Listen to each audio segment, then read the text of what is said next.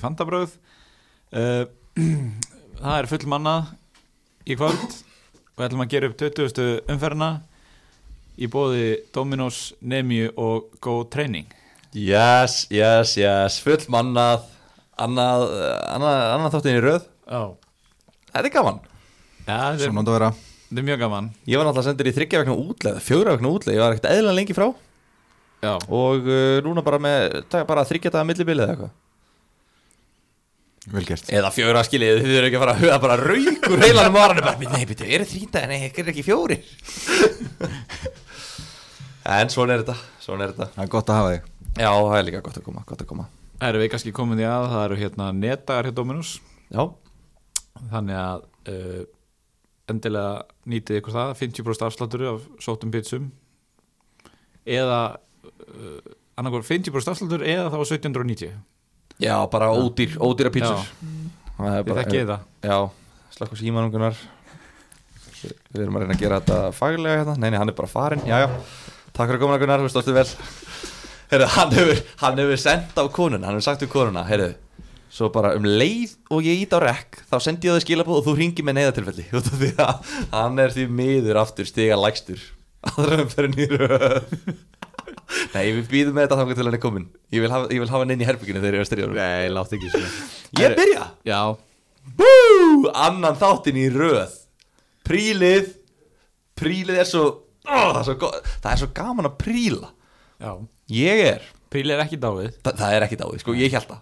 Ég held það og, og hérna Og mínir uppáhalds hérna, bræðarefir á, á Facebook hópnum voru svona fartir að í að því að þetta væri dáið en, en svo það er segla í prílinu og ég er að klifra úr 430 overall, 1000 Já, upp í 350 top 350k uss, vel gert.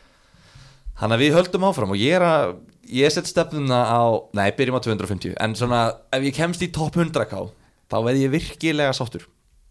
Já, en ég fekk 50 og 7 stig í þessar umferð Díaz og Stones náttúrulega heldur hreinu tók inn Gundogan fyrir kefandi bróinu og hann verðlunaði mig með tveimur mörgum á þessum 51 mínútu sem hann spilaði. Hann hefði örgulega skorað þrennu hann hefði spilað meira. Hirti allt bónustegin uh, Bruna Fernandes náttúrulega fyrir eins og í öllum ég er ekki einu svona pyrraður út af því að það voru allir með, hann, Já, með bandi á hann með þú veist, 90% af fólki. Nema þeir sem glemd að breyta sín í síðustum fyrir voru kannski með bandi og súsek eða... það var þetta ógesla fyrir það voru menn, menn voru að lendi í því það hann var að spila mútið eitthvað Brighton og Vapja heima í síðustu umferð. Já, já, tvöföld umferð og það var bara, þú veist, einhverjir sem setti bandi á hann í flipinu, hann alltaf blankaði í bæðiskiptin, átti ekki skota markið. Og eh, núna heldur að ég hef ekki byrjað með Súsek inn á. Þú heitir á það. Ég var með hann á bekknum lengi vel svo horfði ég bara, ég, ég hugsaði, Gilvei fantasy, þú getur ekki haft tilfinningar þegar þú spila fantasy. Þetta er bara rök og bara insight, þú verður bara þú, veist, þú verður bara að geta skorið höndina af líkamannum til að bjarga hérna lífinu eða hvernig, er ekki eitthvað svona frasi? Er ekki eitthvað svona og, þú veist, ef, ef að liðið er að þjást ef, Já, ef, já, ef já. manneski er að þjást stundum þarfstu bara að skera höndina Já. til að bjarga lífinu já. annars deyr manneskjan. Þannig að hérna ég horfði bara á þetta og ég hugsaði Liverpool er aldrei að fara að halda hreinu.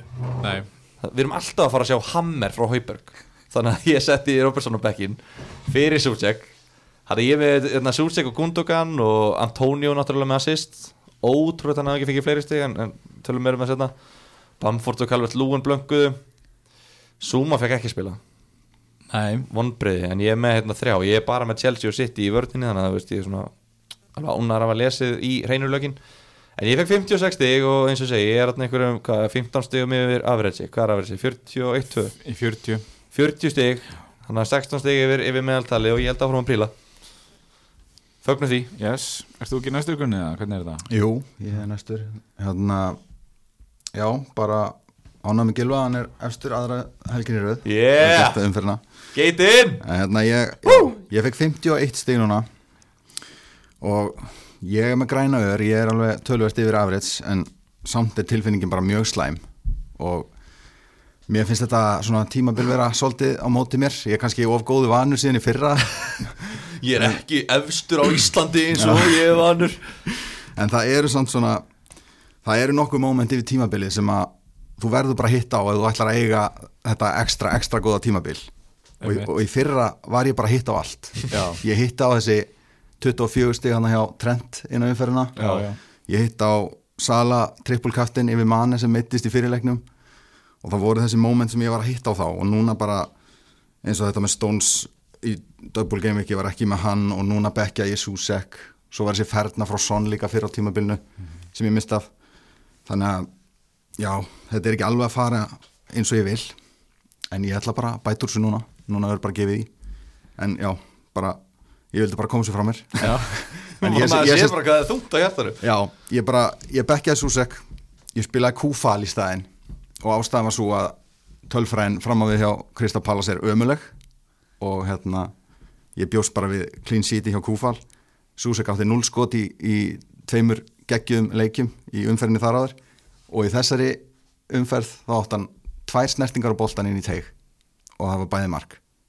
Um, það er ekki sustainable eins og við köllum það. Uh, ég er að hugsa um bara að bekka hann aftur sko. Já, í næstu umferð Af hverju segir það sé ekki sustainable? að því að þú kemur við boltan tvisarinn í teig og skorur báðum þá þú veist, ég til ekki að öll, alla snertingar sem hann kemur við boltan inn í teig verði mark sko. Ég, ég sé það ekki gerast sko.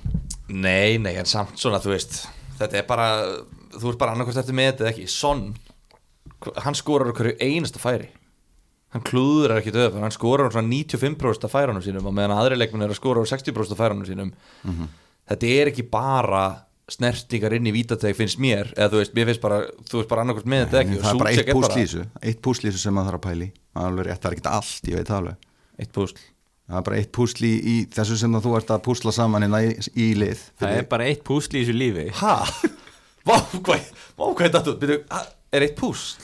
Já, eitt púsl í það sem þú púsla saman í liðið þitt. Snertingarnar. Sem þú ætlar að pæla í þegar þú velur í liðið þitt er þetta eitthvað flókið það? Aron, skilur þú þetta ekki það? bíddu, ég er, að, er ég að fá bara Þú ert að fá eitthvað strók Heyrðu, ég ekki fara í liðið mitt bara Er, er bara slökk ha, Ok, vá ég, Ok, það er bara smá sem ég ætla að segja líka Ég var með Cancelo, var með þrjumuræðum hann í síðasta þætti Það skilaði sér Eru að fara Mjög að líta ánægður með hann. tilbaka uh, ég, já, ég sendi ykkur að bara Þú varst búin að undirbúa 20 sekundar klipu. Já, ég var búin að að klippa þetta allt fínt. Ég ætla ekki að fara með það í lofti Jú, ég, hendis í loftið. Sko, hlustendur okkar heyrðu þetta í síðasta þætti. Já, þau nenni ekki að hlusta aftur. Eh, Trúðu mér.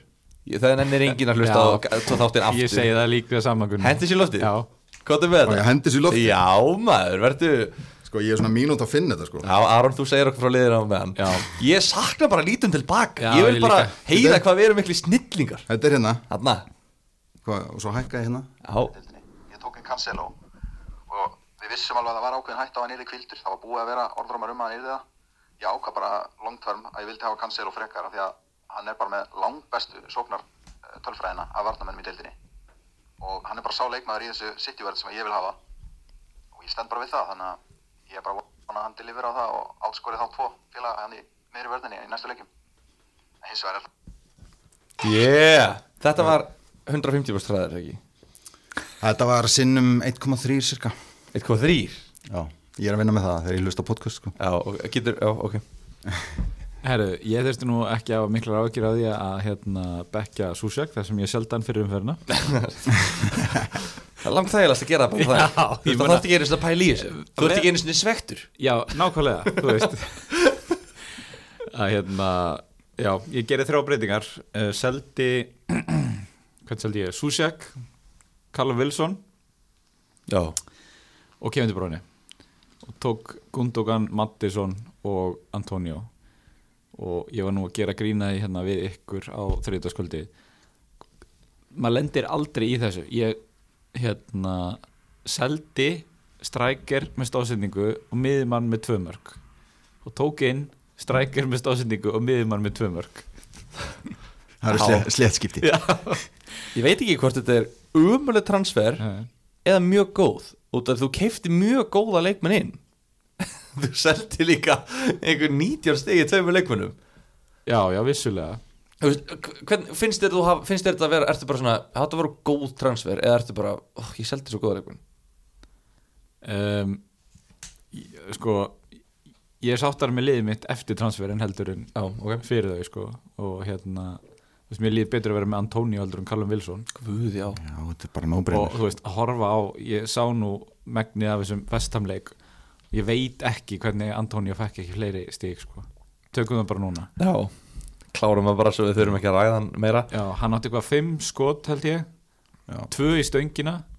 Og tvö af þeim voru held ég big chances. Þú veist, einu sinni komst hann í gegn og sett hann í stöngina. Hitt skiptið hann fekk reyndar tvö mjög svipufæri þessum bakverðni voru að skjóta boltanum svona þvert fyrir marki og hann þurfti svolítið að bregðast við og hann að stýra. Annars skipti fór það í stöngina sem var alveg fárlegt eftir skot frá Cresswell. Og hitt skipti var það frá Kúfal sem var held ég síðasta færi sem hann fekk í leiknum. Og þá var hann sjálfur orðin alveg brjálaður væntalega með sjálfan sig í fantasiliðinu sínu. Því að hann alveg bara tók alveg svona frekjukast á vellinu Tökur ekki Hann hefur hugsað "Heyrðu, Ég er bara, ég er búin að vera heitur sístu tvo leiki. Ég trippur kaftinni sjálf að mig. Já, hann var með hæsta XG í þessari umferð. Já, Hvað var hann með ekki? 1,82 eða eitthvað. Já, ok. Hann bara, já, hann lítur mjög vel út Já. upp á bara næstu leiki, þó það séu erfið leikir ég held að hann fái samt stig. En eins og Gunni þá hérna var ég nú að treysta á það að Vesta myndi mögulega halda hreinu af því ég var með Kúfal og náttúrulega Fabianski þannig að það kom svona tæni rýtingur á 97. mínútu þarna þeir fengi á sig annamarkið og ég tveim stigum þar Já, var þetta ekki á 97 og það var 6 mínútur bætt við Já, sko, það var 6 mínútur bætt við og þetta voru 6 mínútur og 7 sekundur eitthvað búið, sko, já, þetta var alveg bara svona 3-1, leikurinn var var En búið. þeir fundu svona pláss fyrir smá rýting hann það og þeir áttu, þeir áttu tvö skot inn í bóksinu í leiknum og skoruðu Einmitt. þetta er bara svona, Já. svona er þetta bara uh, En ég var náttúrulega með Bruno í kaftin eins og allir uh, Það sem gerist í kvöld var náttúrulega skelvett fyrir mig með Kane og Son. Uh, Ég spilaði Bamford og náttúrulega Mattisson var með tvist og Mattisson þetta fekk döðafæri í leiknum. Já, og þetta var svolítið erfitt í ljósi þess að ég var með Grelis á bekknum með áttastig Já, Við vorum hérna saman eftir upptökuna síðast að reyna að stilla upp og ég er náttúrulega búin að setja í þá slæmi stöðu að vera með sko fimm miðjumenn og þrjá femmur sem ég ætti í raun og vera að spila í hverju miðasta leik. Já, í rauninni sko það, Þú ert eiginlega Við vorum, já, við vorum eiginlega að tala um að það, það var eiginlega sama hvern þú hefði sett á bekkin Já. Hann hefði alltaf fengið stig Þú veist, svona Já, virka bara fantasi já, já. Þú varst bara búin að setja þig í þá stöðu. Eða, þú veist, Ég get huggað mig við það að ég Susek sko Já, verið já. Þannig að hérna, þetta it is what it is eins og ég segja. En við lærum af þessu að þú setur ekki grílis á bekkin út af því að hann fær bara stig á móti hverjum sem er, hvena sem er, hvar sem er það skiptir ekki einu sinni máli. Það er allavega svona hægt að mögulega lesa í kannski að ég veit ekki. Skiljið hvað ég meina? Já, já, Já, halló, Ná, tempo Ég fekk bara, bara illa augu á mig og bara ég, ég var bara býðast í hvað það ætlar að segja því að það, þetta er mjög erfitt að velja hann á milli í þessu liði sko. Arvitt, ég er bara að segja hvaða lært og getum við tekið úr þessu. Ég vil ekki Bara- geta- ég vil ekki að- ég vil geta komið aftur fyrir kútin já, ég ætla bara Hann er að príla líka sko. fylgja þetta upp aftur þannig að hérna, tökum daginn saman. Ég er með sérst Bamford, Kane og Antonio frammi. Ég er með Grelis, Gundogan, Bruno Son og Mattisson á miðinni Já, og ég þarf eiginlega bara veist, það er eiginlega skarra fyrir mig að bara losa einn og ódýri fram í raunum. Nú er Kane mittur já, við erum eftir að sjá hvað kemur út af því. Veist, eh, ég, ég veit ekki skilur þú, þú getur, þú ert bara að setja þig í stöðuna að vera bara þessu, þú, þú getur ekki unnið með þetta lið. valkvæm óhæmingja sko. Já, Þú veist, þú, verður að bara skera höndir að tala að bjarga lífinu Aron, skilur við, þú veist bara, við verðum að bjarga lífinu en haldið hann hefði, haldið því að Mourinho hefði einhvern tímann tekið Kane út af í háluleik í kvöld ef þetta væri ekki eitthvað að fara að halda honum eitthvað aðeins frá? Nei, og hann virkaði líka bara þú veist, hann lá alveg lengi þarna á 13. mínútu eða hvað það var. Hefur verið að klíma við ökla meðslega Já, og ég, þú veist, ég var alveg viss um hann myndi fara út af sko, en ég myndi halda þetta væri mi- allavega næsti leikur át sko, einhver liðbanda misli ég myndi giska það. Mourinho er líka svona einn af þremur þjálfurum sem spyr ekki heldur þú getur haldið áfram er ég að lægi með? Það, hann segir þér þú ert að fara að halda áfram. Ef þú ert ekki fótbrotin, þú veist, þá ert að fara að halda áfram. Ég, þú veist, það er eitt, við erum eitt og lundur motið Liverpool, við erum inn í leiknum. Ég þarf að fá þig hérna, kútur. En hann að, hérna, mér langar að sjá þetta saman, allir Keina hafa bara sagt hún bara, nei, fokka þú þér, þú veist, hve- hvernig allir þetta samtalaði verið? Æ, ég veit ekki, skiptir ekki máli. Við erum fantasy podcast. Já, og við ætlum að halda áfram Sko, við erum búin að tala um hennar vestamleik. Leeds vinnur Newcastle 2-1 uh, Rafinha allt í öllu hjá Leeds. Mark og stóðsendingu og þrjúubónus uh, Almirón skora fyrir Newcastle, gerist nú ekki átt Ótrúlega lélegt slút sem að bara átti að vera varið. Alltaf. Já, Hann ver hann inn, það er bara lélegt að, fyrst, hann er, hann, fyrst hann er farin Það er bara lélegt að hann ná ekki að verja þetta En, en ok, ég ætla ekki að kvarta, ég er ekki með lýts varnamenn En, en ég var- komið virkilega óvart að sjá lýts ekki alltaf hreinu Já, sko, veit þið hvað Newcastle átti mörg skot í þessum leik? næ 22 Newcastle átti 22 skot. Já, þetta var opnum skemmtilega leikur. Já, þú veist, lítsvörnin lítur ekki vel út sko. Eh, þeir fengur þetta bara eitt mark á sig í dag. Nei, í umferðinni en þú veist þetta lítur ekki vel út að þú fara á 22 skot á mútið Newcastle sko. Einmitt Herðu, uh, City- Dallas var á miðjunni. Já, Já, en við verðum eiginlega að tala um Bamford aðeins. Já, hann er að dala mjög mikið í tölfræði því miður, hann var tekin út af Bara svolítið snemma. Já, eftir 59 myndur hann var tekin út að Já, bara, eftir 59 mínútur. Já, og í- Alveg rétt. Það var einni myndu frá því að, að ná Þetta er svo siðlust, Já. það vita allir þjálfara hvernig fantasy virka Þú veist, Nákvæmlega. ok, vá, þetta er eitthvað svona uh, ég er, ekki að, ég er ekki að vinna við fantasy, ég er að vinna við þjálfa En þú veist, come on maður Gefðu okkur fucking eina mínúti viðbútt Ógeð, alveg sammála þessu sko. heimski bjelsa trú ég elsa að það þarf að aðeins að tala við hann. Bara leikskilning. Ertu með einhverja tölfræði um, um Bamford? Ja, ég bara svo sem að hann er búin að dala mikið. Munum, við munum þegar við vorum að tala um hérna í haust þá vorum við að tala um hann í tölfræðinu hann var í fyrsta sæti yfir hverja einustu statistík. Bara XG, skotin í teg skot á markið, Snertingarinn teg já. snertingarinn í teg bara allt. Og núna er hann, hann er ekki á topp 30 XG í síðustu fjórum Já. minni mig að ég hef séð, ég er eiginlega alveg vissum að þetta er rétt hjá mér En og hann- það er sláandi sko. Hann átti samt að skora í þessum leik Og það var ekki, þe þetta er til dæmis máli með XG Af hverju það getur verið villandi Að þetta var, hann fekk 0,0 XG út úr sókninni Þar sem hann var al einn Beint fyrir fram að markið Og það átti að koma sendingin á hann, hún kom ekki Boltinn fer út Og þeir koma honum aftur upp í hotnið Og hann er aftur á nærstunginni Og Rafinha er hann í einhverju er sáu þetta? Og Rafinha er þarna aðleitt og hann á bara að leggja hann fyrir markið á hver að skjóta bara úr vonlösu þröngu færi ekki vonlösu en úr mjög þröngu færi nýbúin að skora með dundrandi stampinu inn á vellinum Rafinha. Og þú veist og ég horfði á þetta og ég bara ertu ekki að grína hvernig getur ekki senda hann á hann? Og þetta, þetta fær hann ekkert XG fyrir en þetta á bara að vera að gefa eins mark ef, að, þetta, er ekki trúður veist, ef Rafinha væri ekki nýbúin að skora þá hefði hann ekki, þá hefði hann sendt hann. Þannig að þú veist hann var alveg í fínum stöðum og var aðna inn í bóksinu og svona. Ég, ég held að ég hef engar áhyggjur af Bamford. Og ég er ekki nálægt í að fara að selja hann eins og er. Nei, maður þarf að vera með alveg helviti gott lið ef, að, ef að hann er stærsta vandamáli sko. ég meina þeir eru að Leicester, Everton, Krista Palace í næstu þremur. Já. Everton og Krista Palace get ekki haldið hreinu og við vorum að tala um Leicester í síðustu þætti. Ég var búin að segja þetta, James Justin hann held hreinu tvisar og gam, gaman er svona von. Hann var alltaf að fara að fá þessi markamóti Everton. Hann er alltaf að fara að fá þessi markamóti Leeds. Herru, fantasy leikur umferðanum má segja var eh, hérna á þrítagskvöldi milli West Brom Master City þar sem að City valtaði yfir á 5-0 uh, Okkar maður Cancelo Marko stóðsendingu hreint lag 17 stig. Við verðum að tala um þetta mark sem hann sko þetta var svo róttulegt Vá, hvað ég var Þetta var hann og Bernardo Silva er alveg svona smá líkir á velli fyrst mér, þá var Cancelo sér miklu hærri. Mm. en ég er svona, þú veist, hann klíndar með vinstri upp í skeitina, þetta var alveg svo markið sem að Silva skoraði, eða mjög svipað og hann markið hans á móti Aston Villa. Ég var bara, já, Bernardo Silva skora hm, svo eitthvað, var þetta ekki dæmt af ég bara, ha, steikt eitthvað. Þú veist, Það var hver einasti leikmaður lappandi þegar hann skoraði þetta og hann, þar með tali hann sjálfur, hann bara stóða hann eitthvað bara, já, ég set hann bara hérna fáralegt alveg chillaður sko. Alveg gjörsamlega fáralegt sko.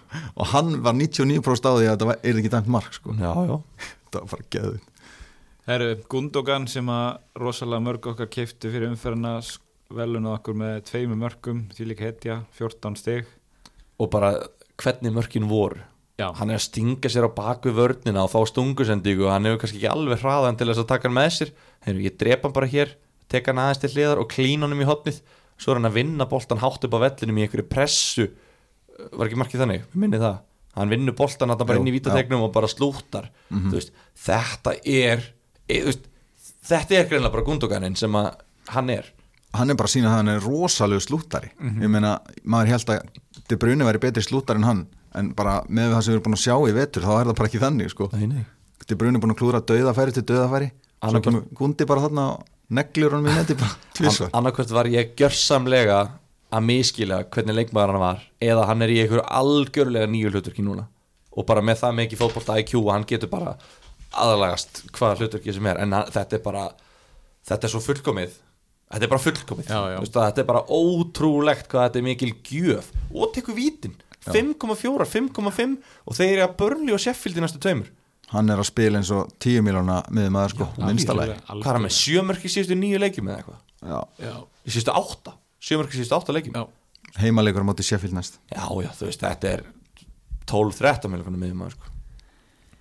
Gekkjaður Og vörnin hjá treinur og líka. kannski pínu góðu fréttnar eru þær að hann var náttúrulega tekin út af hann eftir hvað 51-2 mínútur. Já.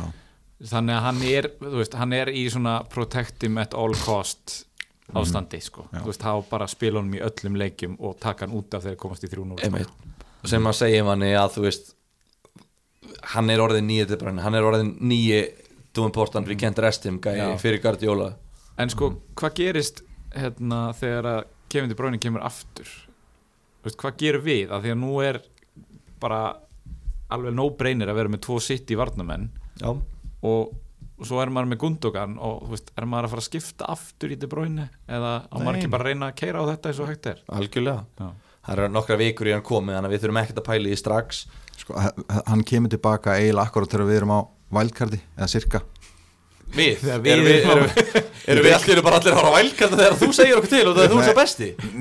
Sko ég held bara að þið væri með það plan. Ég held að allir væri með það plan. Nei, nei, ertu eitthvað ruggla Nei, ok, sorry, bara þegar menn með viti allavega vælkarda að þá hérna verður hann að koma tilbaka þannig að maður getur tekið ákvörðum þá. Já, já. Fantabröð með sameilegt valkart grilla, það er bara sameilegt forræði og... Ekki skrítið hann að við unni fantasi á Íslandi Hann er með þrjú lið sem hann er að stjórna Strákar, þetta er umferðin fyrir double ef Alveg barnalegt. Þið vitið eitthvað þá vælkartið fyrir það sko. Já, já, þú sagði þetta líka með umferðnar double week Ég var ekki betur en að þú var einu undir 100 stegum þetta sko. Já, ok, Heyri. bara knockout hérna, ég skal bara halda kæfti það Heyri. En heyri, talandum hérna heimaleik á móti Sheffield næst hjá City að þá átti Master United heimaleik á móti Sheffield. Já, og uh, það var sett met í, í fjölda spilarar sem að kaftinu við sama leikmanni, það var ekki 2,75 miljónir eða eitthvað.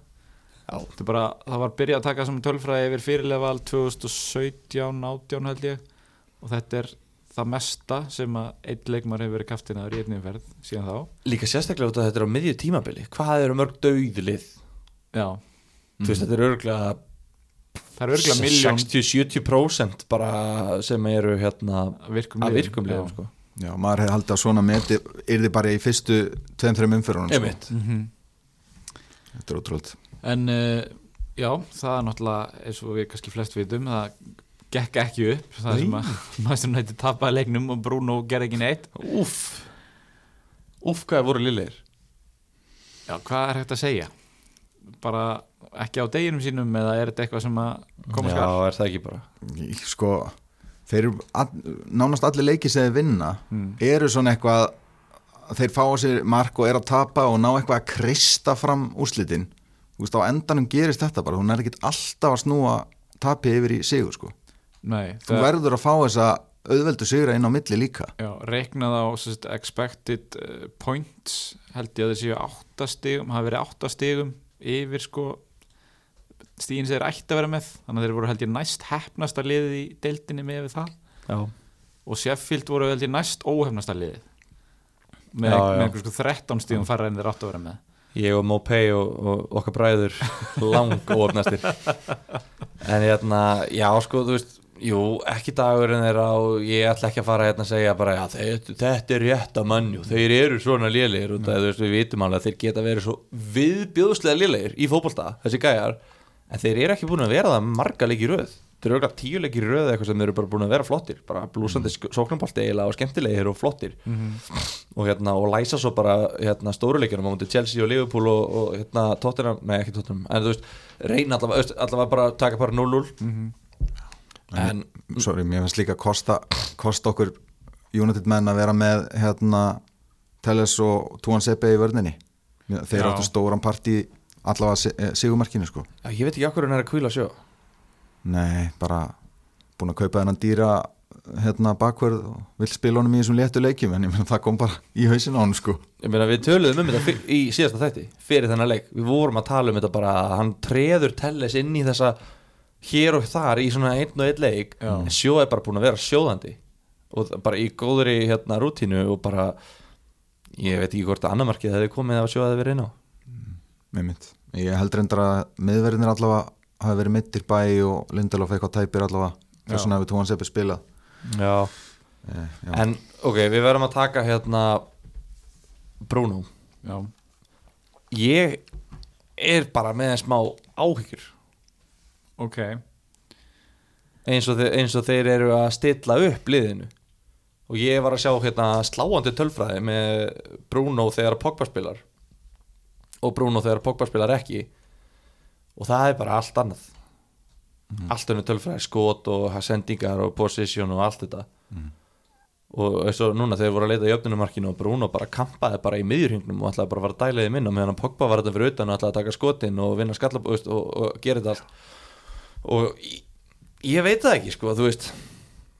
Þeir eru svolítið svona að taka hlutverkið hvora af öðrum sko, að þú veist hjálpast að í þessu hlutverki sem Bruno var einn með sko, Já, já, og núna eru þeir báðir í þessu einhvern veginn. Já, þeir þurftu bara að treysta Bruno, þetta var bara svona ok, við verðum, veist, ok sjó, nei hérna, jú sjó eða McTominay eða Fred eða Van Bissaka þið, vinnir boltan, þið komið honum á Bruno.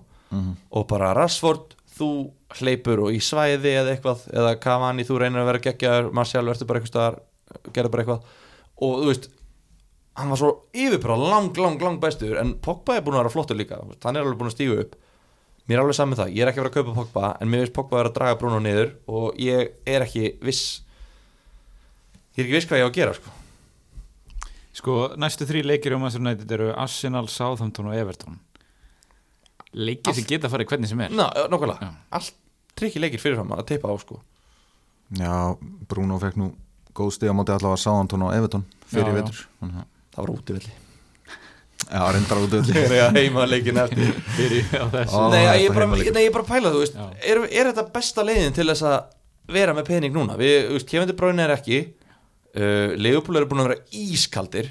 Sala gerði ekkert núna eitthvað fymta leikin í röðuruglega uh, og hérna það Kane, er Kane meitur. Kane Vardy meittur, meiddur. Vardy meittur Son er ekkert sjóðandi en þú veist, jú, hann er góður þeir sem er að delivera eru Gundogan, Sucek uh, Saka uh, Antonio. Antonio bara fimm, Mattisson er orðin kongurinn 5 til 7 miljókronar leikmenn. Og ég er að hugsa bara ég veit ég var að segja þveru út í síðasta þetta nú er ég bara að býtu, á ég eitthvað að vera að pæla í þessu verði? Á ég ekki bara að vera að sækja stígin Bara kaupa ódýr leikmennina, setja restina í, hlutabröði GameStop. Já, eitthvað svoleiðist Nei, ekki, ekki fara þangað núna Ég er pyrraður við því núna sko. En já, en ég meina þú veist, þetta er alveg Sko, ég er ekki að hugsa um að selja Bruno Af því að, þú veist Emmitt, í hvað ég að nota peningin Þú veist það, Í stig. Í fleiri stig. Já, ok. Eins og við gerðum já, man, man ekki hvort þið gerðum, nú þór ég ekki að segja neitt um eitthvað lið en ég allavega seldi til Bruni og kifti Gundogan og ég er með Já, já. helling í bankanum. Ég gerði það líka. Já, nákvæmlega þannig að, já, það var að sækja stíin saman peningin Einmitt, og ég er með einhverja 6 miljónir inn á banka núna og ég er bara slagur sko, ég er ekkert að drífa með eitthvað eðunum út af því að það er ekkert gyrtilegt dýrt að núti, þú veist. Bara störling og eitthvað svona. Já, það eru Brighton og Fulham gerir 0-0 í afturfli Við kannski dveljum ekki við það. Nei, Og sama má segja um Chelsea og Wolves. Nei. Það er 0-0 þar, Werner fekk ekki að spila uh, Er ekki rétt skilja á mér að Chelsea var í einhverju förðulegu leikkerfi í þessu leik? Jú, hérna, allavega stóran partaleikni var tilvel í, í hérna, vangbakverði og Hudson og Dói hinum einn Það var það sem við óttuðum með Zuma, hann fekk ekki tækifærið. Það var bara Rú- Rúdiger og Diego Silva Parísar draumurinn, blöyti draumurinn að stúi sér var að rætast þarna beint fyrir framann hann. Og ef, ef að það helst þannig þá erum við með budget varnamanna Rúdíkar er bara, hvað, 4,5 eða eitthvað? Hæ? Já, Nei, það? Já, ég flettið upp ég held það sko. skoða það og hann hérna hann getur alltaf laumaðin einu skallamarki sko, þó hann sé ekki jafn góður í loftinu og Zuma kannski. Nei, hann er að sæ- sækja bónustíðin líka þegar þeir halda hreinu og svona. Hann er á 4,5 4,5 Já, ástrakar, ekki búin að spotta þetta.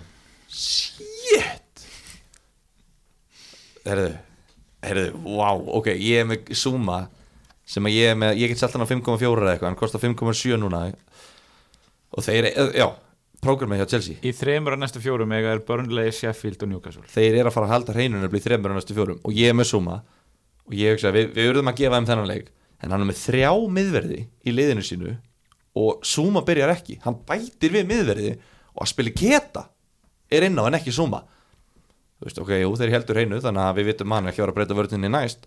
En djúvillega pyrrandi ég verð að kaupa Rúdiger eða Chilwell. Ég ætlaði að mynda að vera að segja, nú erum við að tala um að við eigum alltaf mikið pening. Hvað hérna, akkur ekki kaupa Silver frekar og eiga þá sjensin á Já, ég, ég held að ég myndi taka hann ég var að taka. Ég, ég er eiginlega alveg ákveðin í að taka Chilwell sko. Já, sérstaklega ef hann er að fara að spila framar sem wingback sko, ennþá framar. Og hann er, við erum búin að sjá það hann er búin að vera fín sóknarlega oft hættulegur og Chelsea, er, Chelsea geta alveg haldið hreinu og, og þeir eru að fara að halda hreinu í þreymur og næstu fjórum. Það er bara, ég segi að vera svona 80% líkur á því. Já, En þetta er samt mjög, æ, sorry. Að, Þetta er mjög svona óstabilt kerfi hjá Tuchel að hann er bara að skipta um kerfi oft í leik sko.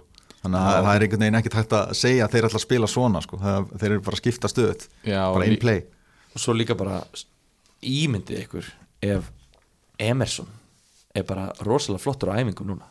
Eða Marcus Alonso koma bara og nýr þjálfari kemur bara inn og bara heyrðu, Alonso, blessaði vinnur þú ert minn maður sem er búin að vera fantasy vél Lamp, það, var bara lampar sem að kælda hann.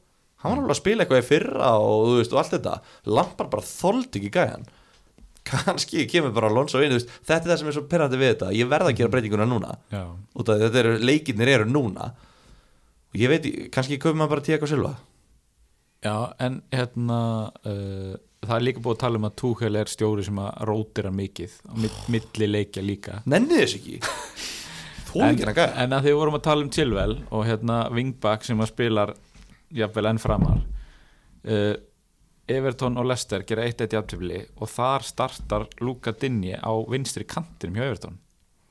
Voru þeir ekki í þryggjumanna? Já, var, var það ekki? en sko var ekki Keane og Jerry Mina voru í vörninni Godfrey og Holgate. Var ekki þessi Holgate í fjórir sem, sem hafa verið í mm. fjórir í vörninni. Og flett, ég var allavega að skoða bara á fótmóp og þeir stiltu þessu upp í fjóri fjóri tveim fyrir og eftir leik sko. Já, ég, ég hugsaði bara að Holgate eru Hafsend og Godfrey og Dinja eru vangbakar eða eitthvað sko. En Ég sá, ég sá allavega eitthvað heatmap af sko, stöðunni hjá, meðal stöðunni hjá Dinni og hann var ekkert smá framalega sko. Hann var bara, og hann, gæti alveg passa hann hann átti kantinum sko. sendinguna sem að sendinguna á Hames. Sem skaut fekk hann aftur og svo skora þannig að hann fekk ekki assisti einmitt hann, uh, Dinni átti náttúrulega assist þarna í vúlsleiknum á, á í Vobi þannig að ég er fastlega að hugsa um að kaupa Luka Dinni núna. Hvernig er planið á Everton? Þegar ég að Newcastle heima næst. Ú, og svo Leeds. Eða ekki? ég er gott ef ekki. 22 skota Newcastle. Ætlar að þóri það? Blúsandi sóknarleikur. Þeir, þeir eru ekki að spila við Leeds núna þegar eiga Newcastle, Leeds, Man, New, Fulham. Yes.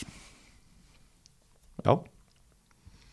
Þeir hafa ekki verið að halda mikið hreinu Everton menn En Veit ekki, hvað kostar Dinni? 6 Ég væri alveg til í hann sko. Dinni eða Chilwell. Ég meina hann er líka að taka einhverjar aukarspilnur og hotn og eitthvað sko. er bara, hvað mynduðu taka? Ég, ég bara, Sko, mér er alveg saman hlustendur og alveg saman þátt og allt það. Ég er bara, nú er ég bara eats out, out on his own sko. Ég er bara að hugsa um að komast yfir þann besta og, og hérna, halda áfram að príla. Ég er með Suma, ég þarf að selja hann. Peningar er ekki vandamál. Já, ég meina, ef, ef þú ætlar ekki að vældkarta eftir smá þá myndi ég frekar taka Chilwell. En þú veist, ef, ef þú ert að fara að gera eins og margir að vældkarta eftir fjórar umferðir þá, þá er Dinje Myndi ég þá ekki frekar taka Chilwell út af hann á svo góðar næstu næstu tveir á Dinje eru geggjaðir Leeds. Já, ég meina, hvað, hefa Leeds eitthvað verið að skora? Þeir skoruðu núna á móti Newcastle. tvö í síðasta leik. Já, á móti Newcastle, þeir Já. skora allir tvö á móti Newcastle. Nei, nei. Bamford ískaldur, við vorum að fara yfir þetta. En já, ég held uh, Rafinha heitur Já, reyndar. Aldrei vann með þetta Rafinha. Rapinja En já uh, Svo náttúrulega Pickford gerir hann að slæði mistök. Færa á sig mark frá Tílemans Þetta er eitthvað mest í trúður bara sem ég veit um sko. Það er kannski eina sem að fæla mann frá litinni að þeir geta alltaf fengið á sig þessi mörg Þú veist, líður trúðum svona þegar það mæti vinnuna sína mæta klukkan átt á mótnana, mála sig setja á sig nefið og fólk er bara að borga þeim fyrir að hlæja þeim. Þú veist, það, fólk er bara að borga Pickford er bara að borga fyrir að hlæja sér.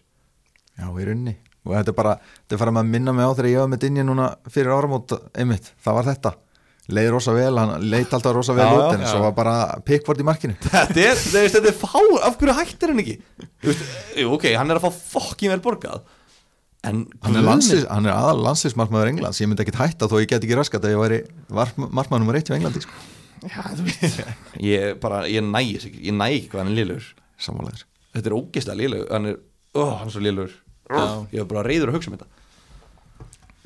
En ég er alltaf að, ég veit ekki með Evertón Væri- Lúin fekk hérna eitt, eitt skallabólta Skallaði rétt framjá Já, Hann skórar á móti njúkvæsl, nokkuð við sem það. Já, ég, ég er alveg að taka hann. Já, lúinni já, ég er að taka hann. Shit, þú hætti með konunni og fattaði svo hvað það varst að missa. Já, ég bara, þú, þú veist ekki hvað þú hefur átt fyrir þú hefur mista sko. Nei, það, einmitt, þetta er svona típist dæmi um það. Já, já. en hann var Við hérna hjónabærsarökju Arons Gilva og okkurna hann reyndar hann var ekki góður í þessum leik sko. hann var með, hvað, tvær tilraunir 0,2 í XG en bara næstu tveir eru það líta það vel út fyrir sérstaklega sóknarlega síðan sko. Já, að Já, já. Ég, ég er að pæli að taka hann sko. En ég, það er ekki 100% það er svona eitt af þessum líklega. Það er ekki staðfest. Nei. Herðu, ok uh, Arsenal vinnur 3-1 Sigur Sáðantón og ég horfði á alla henn leik og fyrsta lagi var þetta bara mjög skemmtilegur fótballtaleikur bæði liðin að sækja á fullu og bara svona mjög hátt tempo í leiknum. Uh, og svo uh, en það sem er kannski stóru fantasífrétnir eru það er að Bukayo Saka er bara allt í öllu þarna. Hvað er að honum? hvað bara eina blanki hans í marga mánu er hann að þegar allir voru frí hitti og tók hann í frí hitli Já, á mútið Krista Pallas já. Annars er, ég meina stíina hérna, síðan í 15. umferð það eru 13, 6, 8, 3 9 og 13 Já. Þetta er það sem ég er að segja Hann er eiginlega bara, þú veist ég, að, Mér finnst þetta alveg pirrandi gæði sko. Þú veist, það sem ég séð á hann Mér finnst þetta svona, veist, hann er eitthvað með öll augun ef og munnur er bara, bara, bara, að kremja í svona pínu lítinn fersentimetra á andlitin hans og svo restin bara haus og það er svo skrítið að horfa á hann af því þetta er svo ótrúlega þjætt Það veit ekki eftir því? Bara núna þegar þú segir það sko. Arður, þú veit ekki eftir ég skal viðkjöna, ég skil hvað áttu Þetta er ótrúlega hvernig Guð ákvaða að að setja saman. Og ég veit ekki, minnst eitthvað svo skrítan er eitthvað svona það er eitthvað svona, svona, er svona, svona gefur Já. skrítið hljóð þegar hann hleypur og svona, þetta er svona ótrúlega skrítið gæði bara. Það sem að mér finnst gera hann að góða leikmanni er að hann tekur yfirleitt alltaf rétta ákvörðin hann, hann verist einhvern veginn alltaf vita hvert á að hlaupa veist, hvert á að reykja boltan hvenar á að senda hann, hvenar á að taka skoti uh, veist, og bara það er alveg ótrúlegt hvað gengur margt upp hjá þessum strók Já, og hann er bara 19 ára og eins og markið sem hann skoraði núna þetta var ógeðslega velgert hjá hann Já. bara, þú veist, tímasetningin þú veist, skíla boltanum, slúttið allt, ég var bara, þú veist, þetta er, þetta er ekki það er rosalega fáið sem geta slútta svona í ennsku deildinni bara. Og hérna, og ég er að hugsa bara, þú veist, ok, þetta er alveg komið í 5-6 leikja rönn. Og svona 19 ára gæjar sem er að taka svona rönn, annarkvært kólna er og við sjáum þá aldrei aftur, bara eitthvað svona maketa hérna hjá mannjóðdæmi eða þá að þetta er bara gæi sem er að fara bara að tróða sér inn í deildina sem bara stórtnafn þannig ég, bara eins og kannski Störling þegar hann var 19 ára og var, og var að koma upp og átti þetta rönn. Svo hætti rönnið aldrei þannig ég veit ekki alveg sko er svona, hann er svona sem ég að láta mig kaupa sig sko. Ég meina, hann er búin að vera líta vel út núna í meir en ár sko. Ég, ég er eiginlega vissum það að hann verður stórleikmaður næsta árin sko. Ertu ekki saman á því? Ég er bara 100% sko. Og hérna það kemur mér þú veist, nú veit ég að ég er að- bara aðsennal maður sko. En munið, þú veist hver ætti að keppa við hann við, um sem ungi leikmaður ársins sko, ungi leikmaður ársins er bara 27 ára yngri sko. Gundogan, Bara Sterling eða, Harry Kane er alltaf tilhendur Þessi lingar það er neitt árið. Æ, ég minna ándjók sko veist, er það er Trent verður ungi leikmaður ársins. En það er ótrúlegt hvað þeir eru gamlir. Þeir eru, eru ungi leikmaður ársins En svona er þetta. Ég er alltaf að, já, ég er svolítið heitið fyrir ég, Saka. ég held að fólk það væru allir og ammaðir að kaupa Bukayo Saka ef við værum ekki með alla þessa ódýru leikmenn sem eru að gefa á miðinni hann að Gundogan, Susek og, og félagar. Ég er líka bara Arsenal eru búin að vera svo ógeðslega lélegir á tímabilinu og þeir tóku þarna dræspel bara hrikalegir og svo eru þeir búin að rífa sér þvílitt í gang núna og eru búin að vinna hvað, fjóra eða fimm leiki bara, Já, fjóra síðustu fimm eða, eða fimm að síðustu sex Já, eitthvað sko. svoleiðis. En málið er, þegar þeir fóru í þetta raun þá heldur þeir hreinu í öllum leikjunum þeir voru búin að halda hreinu í ykkur fjóru leikjum í röð fyrir þennan leik, Já. það var það sem að greip aðteklin og það var allir að tala um holding bara wow, holding, svo fór ég að skoða þetta betur þeir voru nú ekki að halda hreinu á móti bestu sóknarliðum í heiminum sko. og næstu leikir er á móti liðum svo Southampton, þeir eru ekki að fara að halda hreinu í næstu fimm leikjum held ég en Saka sildi bara undir ratarinn hvað hann er búin að vera góður, Smith Rowe líka kemur eitthvað nafn sem við höfum aldrei hýrt og hann er flottur líka en hann er ekki að skila eins mörgum fantasístöðum Saka bara, hann sildi bara undir ratarinn minn nú er hann komin á ratarinn eftir mannjuleikin já, mögulega er ég bara að fara að hann. Já, núna, sorry, núna er Kane meittur og það er verið að leita af replacement fyrir hann. Hvað með Lacazette? Hann er með 6 returns í síðustu 6 leikim já, hann kom með held í tíu deildamörk á tímbilinu en hann byrjar ekki alltaf, alltaf vinna á það?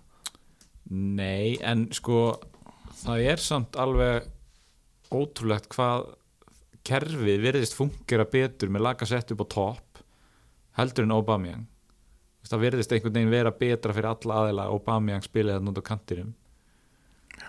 og hérna Pepe var á vinstri kantinum í þessum leik og var endar drullu góður.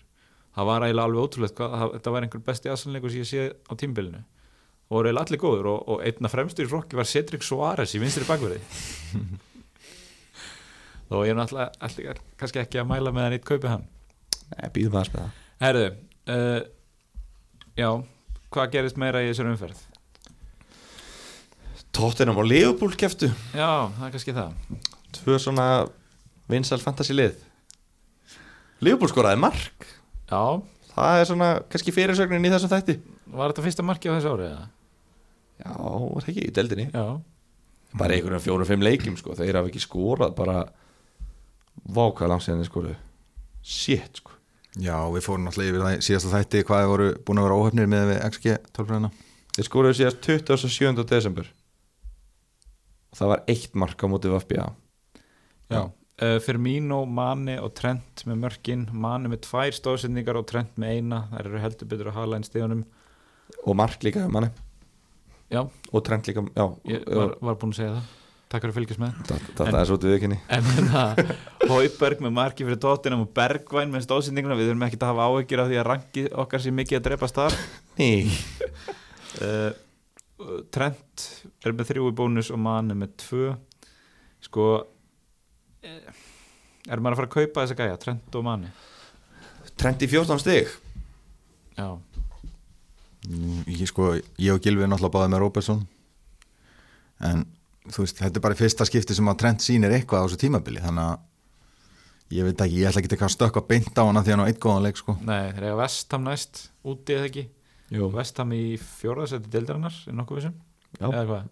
Allavega fyrirleikin, Liverpool kannski konar fyrir ofan þá. Ég veit ekki hvort þeir voru hvort Liverpool var í toppin, ég veit ekki hvort þeir voru í topp fjór skipti kannski ekki öllu en hérna- já, Vestham og svo Brighton heima þú veist, þetta er alveg tvei leiki sem þeir, þeir ætti alveg að geta haldið hérna í báðanleikunum en munið er gera það.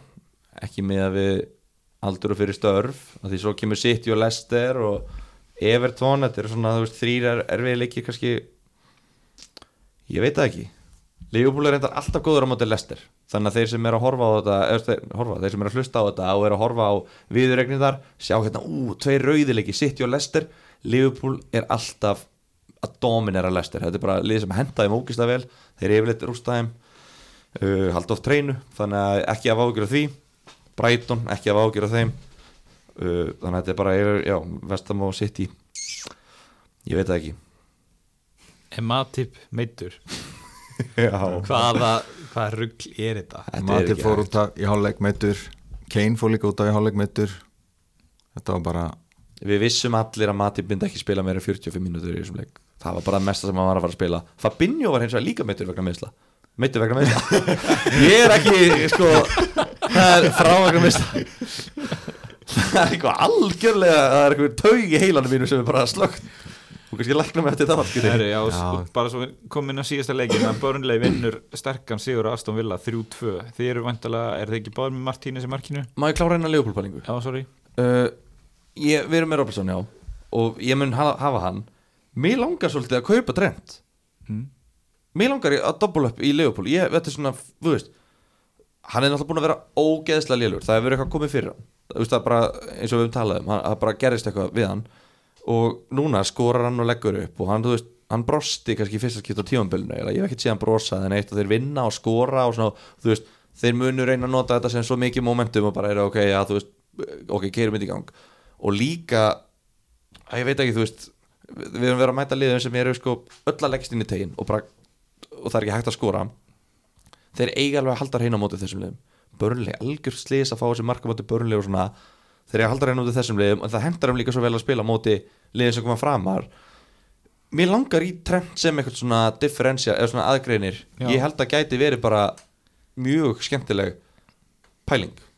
Og nú vil ég að þið segja mig hvort að þetta sé að klemta taugin í heilanum mínum eða hvort að ykkur finnst þetta make a sense þá frekar en að taka tilvel Já, þú veist, þetta gæti alveg gengið upp. Ég meina bara eins og við sáum núna þeir eru að spila á móti mjög erfiðum anstæðingi og hann brillarar og fær hvað mörg stig?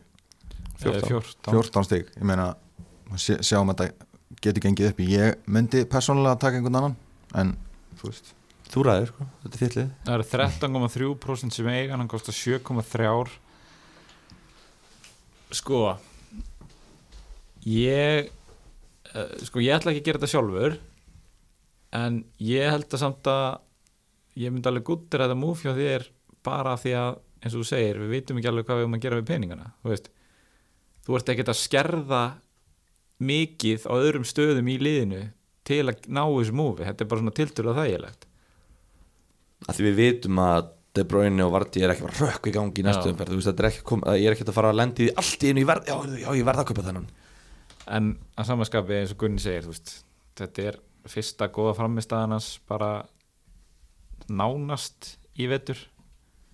Þannig að ég ætla allavega ekki að stökka á vagnin alveg strax. Takk fyrir þetta, sákar eða ekki, Þá getum við farið í stóruleikin já, stórleik hérna, Burnley, Aston Villa. Uh, þeir eru báðið með Martíni sem markinu ekki? Já, Jú, eru þið eitthvað óvissir með hann eða? Eftir þessa framistöðu nei, nei það er hérna þessi leikur fór 3-2 fyrir Burnley já, en XG-lega séð þá fór hann 0,53 fyrir Aston Villa. Já var, þannig að hérna, 0,53 já, þannig að þá sjáum við að Villa er að eiga mjög gott tímabil. Þeir átt að vinna hann leik það vita allir sem sá hann. Póp með átta markvæslur já, þetta er bara sama gamla hjá honum sko. En hérna, já, Næst, lang, næst besti markmaður Englands. Hvað, eftir Pickford þá var það? Já, Pickford er nummer eitt. En hérna, já, mér líst bara mjög vel á Villa og ég ætla að halda Martínez og mögulega bæta við með fleiri villamönnum. Þú ert- ertu með Grelis? nei, seldan. Þú seldir hann. Áhugavert. Gilvi, ertu reyndin við stefið eða? Ég var svona að vona við myndum sleppa því, þetta var góð dag fyrir haters. Eða góð umferð fyrir haters segi ég. Það er reyndar búið að emitt, koma, fáist efið, þið fáist efið koma ákall frá hlustendum um að hérna, þögn um þetta málefni sé ærandi sko. Sko þeir voru, hlustendur voru þöggunin. Já, já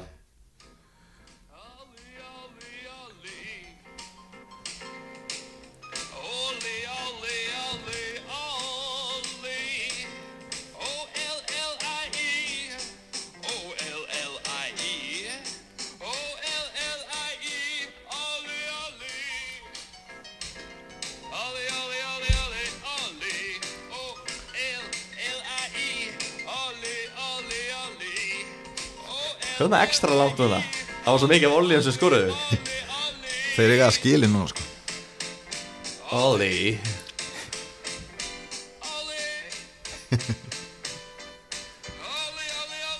Nú heldur maður þetta sé búið. Nei.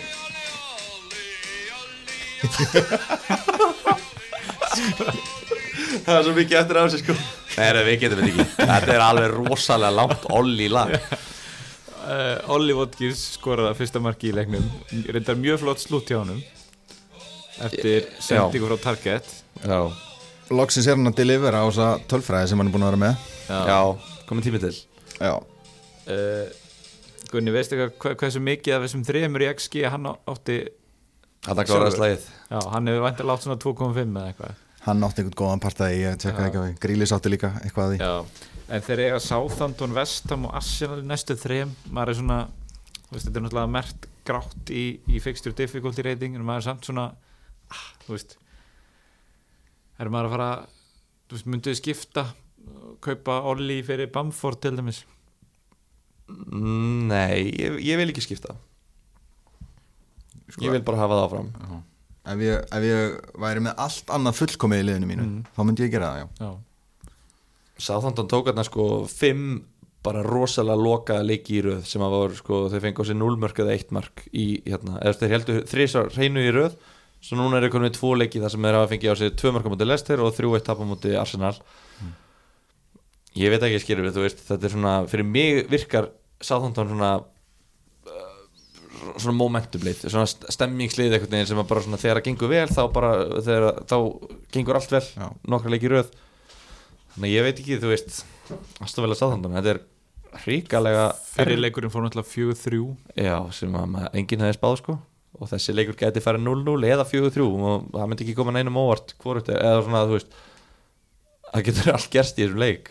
Já, ég, ég sammálaði með þetta momentum hjá Southampton og þeir eru með meðsli í vörninni núna. Volker Peters er mittur, Vestegard er mittur og Romeo sem er svona aðal varnar miðumæður þeirra, hann Já. er líka frá. Þannig að, geggjaður Rómeo sko. Þannig að þú veist, þetta getur alveg erfitt fyrir sko. Eru þá erum við búin að gera upp hérna, umferna ef við að kíkja á spurningar eða? já, við, við gáfum Olli Börk ekkert sjátátt fyrir markið. Olli Börk, við erum búin að býða og býða og býða eftir að hann gera eitthvað budget miðumæðurinn sem að er að spila frammi kostar 4,3 ár, miðumæður það er rosalegt. Skoraði sigur marka mútið mannjú en við erum samt ekki að mæla með að kaupa Nei, alls ekki, en, alls ekki. En ef þið viljið það, þá ætlum við ekki að stoppa ykkur. Nákvæmlega. bara fullt liða Ollís Olli Giroux, hann byrjaði ná. Já, Olli Giroux. Hann er reyndar ekki Olli. Við verðum að vera hinskilið með það, hann, hann, það er ekki Olli. Hann er mesti Olli að þeim öllum. Hann, jú, allir vinnur hans kallar hann Olli. Ég var að spyrja hann að því Þú ert ekki kallar hann. vinur. Mamma hans kallar hann. Nei, já, þú veist, þú ert ekki vinur, þú ert ekki mamma hans það er endar svolítið síðan ég heyrði honum síðast ég, Ég get alveg lofa því, þú ert ekki mamma hans. En þetta er minnsti Olli Olivier eins og, eins og við kallum hann. Hann er kallaður Olli. Olivier talandi um, þá kom einn spurningina á maður að hlaða inn Sheffield leikmannum eins og Ramstil og gamla góða Lundstram Lúnstram þetta tók í sér bónusteg og hittu strunsaði með heim. Hann var, hann, þetta var svona, svona fantasy uppreist nei svona hérna já svona uppreist næru já. Uh, en við stutt að svariði nei er það ekki við þessu spurningu? ekki að fara að taka Sheffield leikmann sleppa því, fyrir útileika móti City.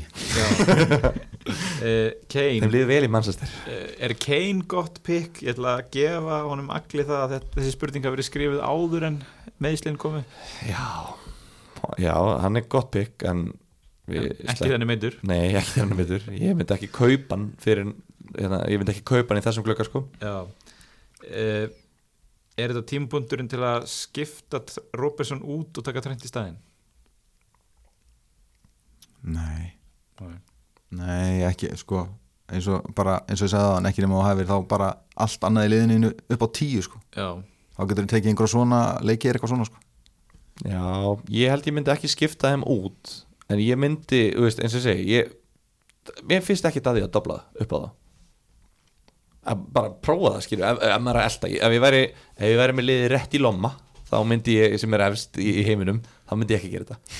Já, en ef ég er í top 350 ká eins og ég og er að halda áfram að príla þetta er svona, þú veist, þegar maður er að, að hérna, príla, þú mátt aldrei vera sattur veist, þú Nei. verður alltaf að halda áfram að, að hérna, reinvent yourself, skilju þannig ég þarf að reyna að finna einhverja leið að gera það Herru, Tílemans, er hann einhver möguleiki eða sitt, hann var að sleppa því? það sleppa þau bara. Já, hann er reyndar með víti núna sko. Já, það er svona helsti kostur við hann annars finnst mér bæði Barnes og Madison eiginlega betri kostir. Ég myndi taka Barnes ef ég væri að taka ef ég væri að vesla í Lester miðumann sko, maður er ógeðslega góður. Það er ógeðslega gaman að horfa á hann spila fótbolta maður er bara svona, mm, þú veist hvað góður bara, þú veist, hann missir ekki boltan og bara touchið og sendingarnar og allt þetta en þú færð engin stig í þessum leik fyrir það. Og jú, hann er líka markabi, eða þú veist, hann- er fýtt fyrir að vera markið, hann skilar alltaf sínu mörgum en eins og ég er samanlókun og ég myndi ekki ég myndi, þetta er ekki nóg til að ég færa að kaupa hann. Já, það eru aðri leikmenn sem ég myndi kaupa frekar meðan við verð og, og svona, Bukayo Saka. Til dæmis. Uh, Það eru rosa mikið af spurningum um Bamford og meðal annars uh, um Bamford og, eða Ollie Watkins uh, og svo hérna bara nenn ekki Bamford lengur er glórulöst að selja hann Erum við ekki búin að kóra það nokkuð vel? Já, það er ekkert glórulaust en þú veist, come on hvað er Já, já. hérna loyalty is a two-way street Já. sko. Hvað er hann að klikka tvo leiki í röð þar áður voru með 8 og 8 í, Já, eitthvað svo leiðis ég myndi hann er búin að vera loyal allt tímabili fyrir okkur. Við þurfum núna að vera svolítið loyal við hann. Já, já, við getum ekki verið hérna eins og Roman Abramovits bara, Nei, nei. þú veist, hann, hann misti í sig einu sinni þegar hann er búin að taka 20 fullkominskref og, og við ætlum að sparka hann út fyrir hvað þú veist, við, það þýðir ekki. Svo getum við lendið eins og Gunni að selja hann og fundið þá hvað við vorum að missa og vilja fá hann aftur. Heyri, hérna Fyr, og það, þar kemur inn í hann er búin að hækka um eitthvað 1,2 miljónir í verði Já, það er eiginlega allir sem eru með hann með þvílíkt valjú bundið í honum. Og þeir geta bara selt hann fyrir helmingin af hagnaðanum þannig að ef þú vilt kaupa hann aftur þá ertu bara að kasta frá þér hálfur miljón og stígunum sem hann mun fá. Þannig að það er að hugsa þetta mjög vel og vandlega Já, á að kaupa Kai Havertz? Nei, Nei, Ekki strax, Nei, nei. alls ekki er strax. þetta viðstefn að spurja eða? nei, Snorrikir, Konráð? Konrad Hérna, lifir príli hjá öðrum en Gilva Já, ég held að við getum alveg sagt það. Já, já, ég haf með græna öðri núna, Já, komin í ég- 180k Ég fór upp um 100 og, og hérna 100 sæti. Yes. Uh, Sko, ámaður að taka fleiri áhættur í fyrirleðavali Fleiri? Já, Einhvern það veginn var- taka kannski meiri áhættur. Sko næsta umferð er eiginlega fullkomin til að taka áhættu með fyrirliðan sko. Já, ég myndi segja það. Já, Ég- Þetta er væntalega eitthvað sem er að spurja út af þessu en málið er eins leiðilegt og það er að segja það veist, í þessar umferð, það var ekkert annað pikk Jú, það voru einhverjir sem að kaftinu Cancelo og bara flott hjá þeim. En hversu oft hefði Fernandes skorað tvö mörg á móti Sheffield á heimavelli og við hefum fengið 30 stig og hinn er að mista því veist, það, það er ekkert. Og það er svolítið erfitt þegar að allir fá þessi stig. Já, þú veist, þetta er, þetta er high risk low reward í mestalagi medium reward áhættan er miklu meiri heldur en verðlaunin sem maður fær út af það er miklu líklar að þú klúðurir og seti bandið á bara Antonio Já, eða þú veist, veist, típist- Bamford. típist hérna munum eftir fyrr í vetur bara þegar að Sala var bekkjar á mútið Palas og ég, ég tók bandið á hann og setti á Son sem að gerði sér ekki neitt Einmitt. og Sala fekk 16 og Bruno 18 stig sko. Já, þá var ég að reyna að vera eitthvað sniður og taka á þetta en hérna, mér langaði að minnast á post sem kom inn í grúppun okkar Fantasí Bræðar yfir frá honum Þorgeiri Brimi Harðarsinni hann sem að tók einmitt séns og kaftinaði Cancelo fekk 34 stig fyrir hann. Ég ætla ekki að rósa fyrir þetta. Ekki? Nei. og ætlar ekki að velja um svona hefðun Nei, ég ætla ekki að gera það. Mér finnst það flott hjá honum. Ef þú hoppar hann- fram að þakinu á Hallgrímskirkju og lendir í, á, á dínu Þú ég ætla ekki að rósa það fyrir að hoppa skiljiði Sko, ef þú lendir í kongastól og bara ert bara maðurinn. Brýtur á þér allar hryggjarliðin í kongur, nei, þú veist nei, ég ætla ekki að rosa fyrir þetta. Ok, sko, sko, hann hefur hlusta bara á síðasta þátt. Ég sagði að ég var með væskaftin á Cancelo. Já, já. og hann hefur bara ákveð að taka sénsinn. Já, hann gæti ekki sett væskaftinu á Cancelo út að hann var búin að setja væskaftinu á Martínez sem var að spila út í þetta mæti börnleg Já, en eru talandi um hvern ætlið að kaftina í næstu umferð komið að því að smetla á, Gunnar, smetla á pick team. Hvað, ég byrja? þú byrjar. Sko, ef ég á einhvern sem er í liðinu mín núna ég er með á Son núna. Ok, þetta er á milli Son og Sala hjá mér. Já, Son er að spila, hvað, á móti? Brighton úti. Brighton, Já, já, það er, en það er hérna stig þar. ég gæti tekið Carlos Lúnin og hend bandinu á hann. Aron? Sko, eins og er þá er bandið af Harry Kane. Já, Ég reikna þá fastlega með að farist yfir að sonn uh, Ég var búinn að stilla þá að Gundogan. Mm En síðan áttaði ég mig á því að ég hef þrísvar í vetur sett bandið á leikmann sem er að fara að spila á móti Sheffield United. Og það hefur ekki gengið upp í þau skipti ég er eins og sem ekki það getur vel verið að það hafi verið einhver fleiri skipti sem hafa gengið upp en ég man bara eftir þessum þrejum þar sem að þetta átti að vera svo augljóst. Sala heima á móti Sheffield Bruno úti á móti Sheffield Bruno hafi aldrei klikkað úti velli og gerði það. alveg rétt. og veist, og svo núna Bruno heima á móti Sheffield, þannig að ég setti sjálfur mér vinnureglur þarna að ég ætla að hætta kaftin á móti Sheffield United og tók bandið af Gundogan hvað finnst ykkur um það? og færðir á Kane. Og færið á Kane sem er greinlega dáið við fregnunar en hver er væs? Herru, þá breyti ég þessu hérna. Er lifandi, lifandi hlaðvar uh, Son fær það bandið og Mattisson í væs hann á Leeds heima. Right. Ég myndi reyna að láta þetta ekki hafa áhrif á að láta fortíðin ekki hafa svona mikil áhrif. Ég veit þú er brendur, það er erfitt að komast yfir þetta. Ertu með Bam- Bamford og Becknum? Yes sir. Já, þú þarft náttúrulega að velja alltaf veit Þeir eiga lestir úti. Þetta er málið með að vera með átta góða í fremstu Já, stöðun þú ert að setja þig í umömulega stuð Bamford skorar á mæti Lester Lester er, ekki, far- Lester er búin með sitt tvöfaldamanstu Þeir núna taka þér fjóra-fimm leikið sem við fáum þessi mark. Það er sko, sá sem hann setur á bekkin skorar.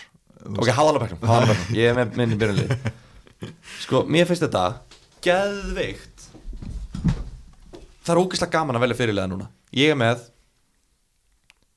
Fimm, ég með sex leikmunni í liðinu mínu sem ég væri, mér myndi líða vel með að vera með bandið á þessum sex leikmunum Þú veist, þetta, þetta er bandið eftir að dreifast helviti mikið núna og hérna sá sem að hittir, veist, þeir eru að fara að príla sko. manni að keppa útvölda á móti Arsenal, þannig að veist, við sem höldum ekki með manni og við erum svona ah, ekki að sleppa því, en þeir sem halda með mannjú sem eru kannski helmingurinn af mannkyninu þeir eru vísir til að setja bandið á Bruno. og hann getur klárlega að fengi 15 stíð útvölda á móti Arsenal.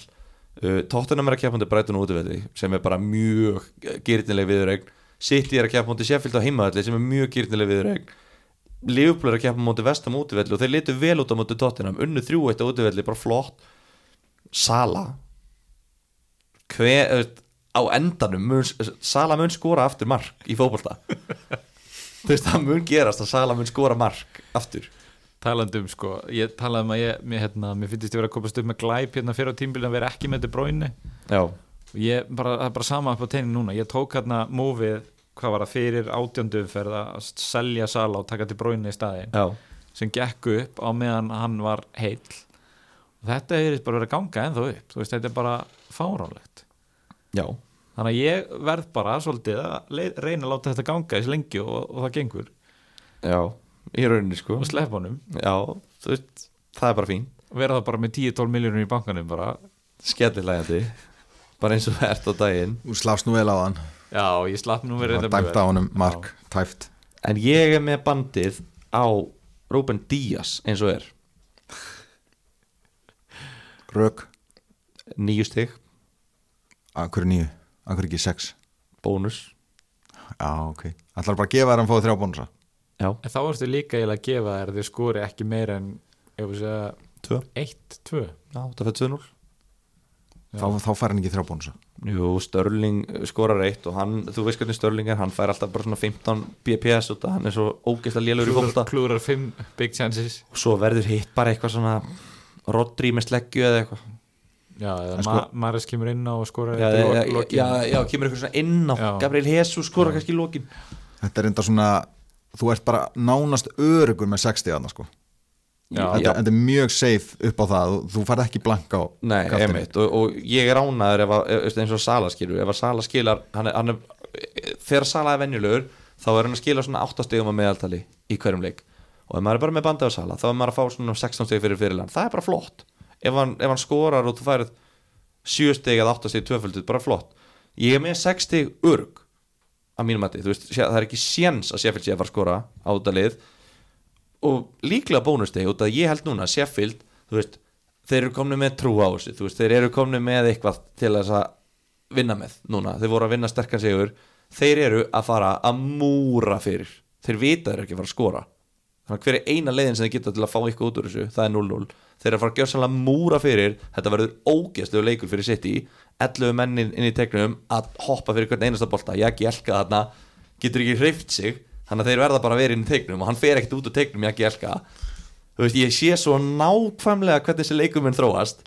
Ég er eiginlega sko, ég er ekki einu sinni hrættu við að tala svona mikið um það út af því að bara þetta fyrir 2-0 Rodri og Störling Já, eh, sko, þetta fer annarkoð svona eða ef að City skorast nemma þá þurfa þeir aðeins að lifta Nei, þeir mun ekki, ekki lifta fyrir náttúrulega 87 en hérna, já, þetta var flott ræða en ég Jelka verður örgla á bekknu því að John Egan kemur úr eh, hérna, banni. Já, þá verður bara hann að henda sér fyrir Já, bolta já, ég veit, ég vildi bara segja þetta En allavega, þú veist, þannig að ég er með þetta 60 líklega svona 7-8 og svo gæti hann alveg skora, ég meina, við höfum séð áður leikmann skora tvö mörg vardamann og fá 23 stig.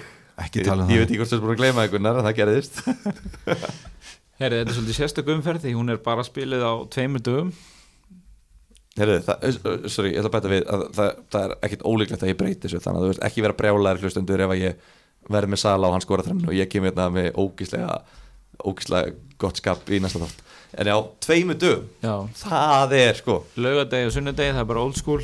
Vá, hvað þú ert glað, glaðið með það. Já, Þú sem svona mest í mjög- leikja dagskrár perri í Skandinavíu. Sennilega. Uh, Þar að veru sko þrýr leikir á sama tíma, klukkan þrjú á laugadegi Þetta gleður gamla skólan Já, býttu það er Kristapala, City og Vafbja Krista Palace Wolves, City á múti Sheffield og Vafbi á múti Fulham. Gekkja líka Já. að klára svona tvo ömurlega Já, leiki. já, Svona að gera þetta sko. Já, hafa í Sheffield sem maður getur hort á Já. og svona tvo ömulega leiki sem maður bara svona fara, geta farið fram hjá manni. Og þú þarft ekki einu svona að taka ákvörðun svona þú veist, þú ert búin að horfa á tvo leiki í laugadegi, á laugadeginu, byrja búin með hátegisleikin og þrjú leikin, klukkan er 17.30 þú ættir að fara að læra eða elda eða sinna konunni eða fara í rektina eða gera eitthvað uppbyggilegt við lífið þitt. Ah, ætti ég kannski að taka vaffbja fúlam ætti ég að vera já, æ, ég læri bara eitthvað um að setna eða eitthvað. Uh, Svo er náttúrulega Arsenal Master United hann klukkan hálf sex og laugadaginn, prime time. Já, frábærleikur uh, og svo meiri sé að kvöldleikurinn er eitthvað sem maður myndi enn að horfa á sko, saman tónast og vilja já.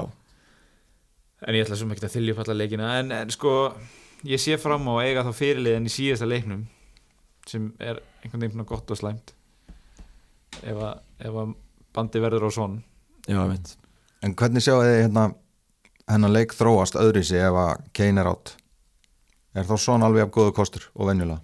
En ekki bara betri kostur? vel betri sko En Já. hver, er- hver er að leggja upp öll mörkina og svona? Það er Harry Kane Já. Er þá ekki Eh. slæmt að hann sé ekki með?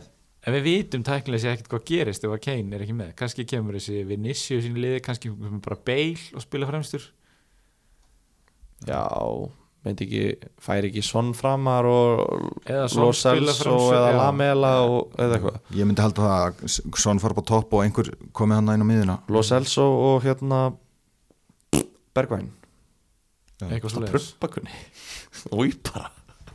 Góður. En ég- já, ég veit ekki, þetta, er, þetta er svona þú veist, bæði gott að hann sé ekki út af því þá fyrir svona framar og verður ennþá mikilvægari en líka slæmt út af því að, eins og segir Harry Kane er eini sem er að leggja mörkin á hann. Ég veit ekki, ég er ekkit eitthvað jú, kannski kaupi ég bara svon kannski selja bara Curtis Jones og kaupi svon fyrir umferð. Ég er að pæla- fáralegt að geta gert þessa breytingu Ég er að þess að ég er að pæli að gera það sko, út af því að þetta er að breyta nú út sko. Gunni, að því að þú ert nú að stýra öllum liðunum okkar greinilega. Hérna, ég hef aldrei hitt frekar í gæja heldur en gunna Hvað er að ykkur? þú bara kemur þetta, þú veist, getur ekki bara verið bara næs, við erum bara fellatir að spjalla og þú er bara í- með frekjukast í miður þætti. Æ, strókar, ég, blótið held, ekki ég held við erum að hætta og þetta verður flokka sem einhelt að vinnust hérna, hvort á ég að spila Antonio eða Bamford? Um, Já, ég sagði þér að Bekkja Mattisson síðast. Já, og hlustar ekki. Nei nú er eitthvað skrýðandi tilbaka Spila Antonio heima mútið Liverpool eða Bamford? Út um til Lester ég myndi, ég myndi spila Antonio á þessum töm ég er það í samanlæður Já, það ég bara ekkert að segja sem heitast í leikmaðurinn. kontu með þín, þín hérna, þína ráleikir já, spilaði Bamford. Þú segir það, já, ok. Sko, Antonio er sko, með heitari framherjum í deildinni ef þú horfur á XG sem er upp á aldrei okkar. Og hérna Matip var að meðast aldrei þessu vant. Uh, miðverðinni verða örgla Nat Phillips eða Rhys Williams og eitthvað drasl. Þannig að mér finnst Antoni að líta vel út. Þegar reyndar ef að þeir spila þá er þetta no-brainer sko. Mér finnst Lester líka bara yfirleitt segir í að loka. Já ekki mótið Leeds. Eru ríkilega góður Nei, herru, vil ég koma með eitthvað í lokin hérna? um, ég vil bara minna á hvað ég er úgeðslega góður starfrækjana Já, og hérna ég er að taka á móti nýjum kunnum núna í februar í Nemju uh, ég vil líka minna á þá sem að ég, ég, ég er búin að heyra ég er búin að fá heitmail frá hlustöndum sem er eitthvað ekki sátti með GT nú? Já bara eitthvað hver talar um sjálf sig í þriði personu og eitthvað svona, eitthvað svona bara sk- skjóta, skjóta, hann að skjóta mig niður. Þannig að hérna, það er líka þetta panta tíma hjá öðrum engakennurum heldur um mér. Já, Eva til dæmis, hún Ok. er mjög góð. Ok. Kristoffer, frábær. Hver er þín svona sterkasta hliði í starfræðinni? uh, hvað meinar Já, þú veist, er það, þú veist, mengið, annarstöðsjöfnur eða? Bara allt. Algebra eða hvað? Ég er bara, ég er bara góður í öllu. Mm. Er þetta að fá fantasy enga tíma hefur? það var fantasi enga tími síðustu helgi. Ok. Við tókum bara, við splittuðum bara. Það var bara hardcore annarstíðsjöfnur og þáttun og svo bara, herru, ef ekki aðeins að svisa tempóinu, settu bara Marvin Gaye og byrjum að tala um bara fantasy. Þetta var geðveikt sko. Ég veit nú ekki, já, hvað það segir um, um aðdán sína á Fantasy En við ætlum að enda á þessari bóku já, já, já, já. Eina það vinnust all Og hérna munið bara, það er hátdeisleikur Everton Newcastle munið að stilla bliðinu fyrir 11 á lögadaginn Og uh, svo þurfum við að sjá hvað gerist með Harry Kane Selja hann ef hann er mikið meitur Og takk fyrir að hlusta, heyrjumst í næsta þetta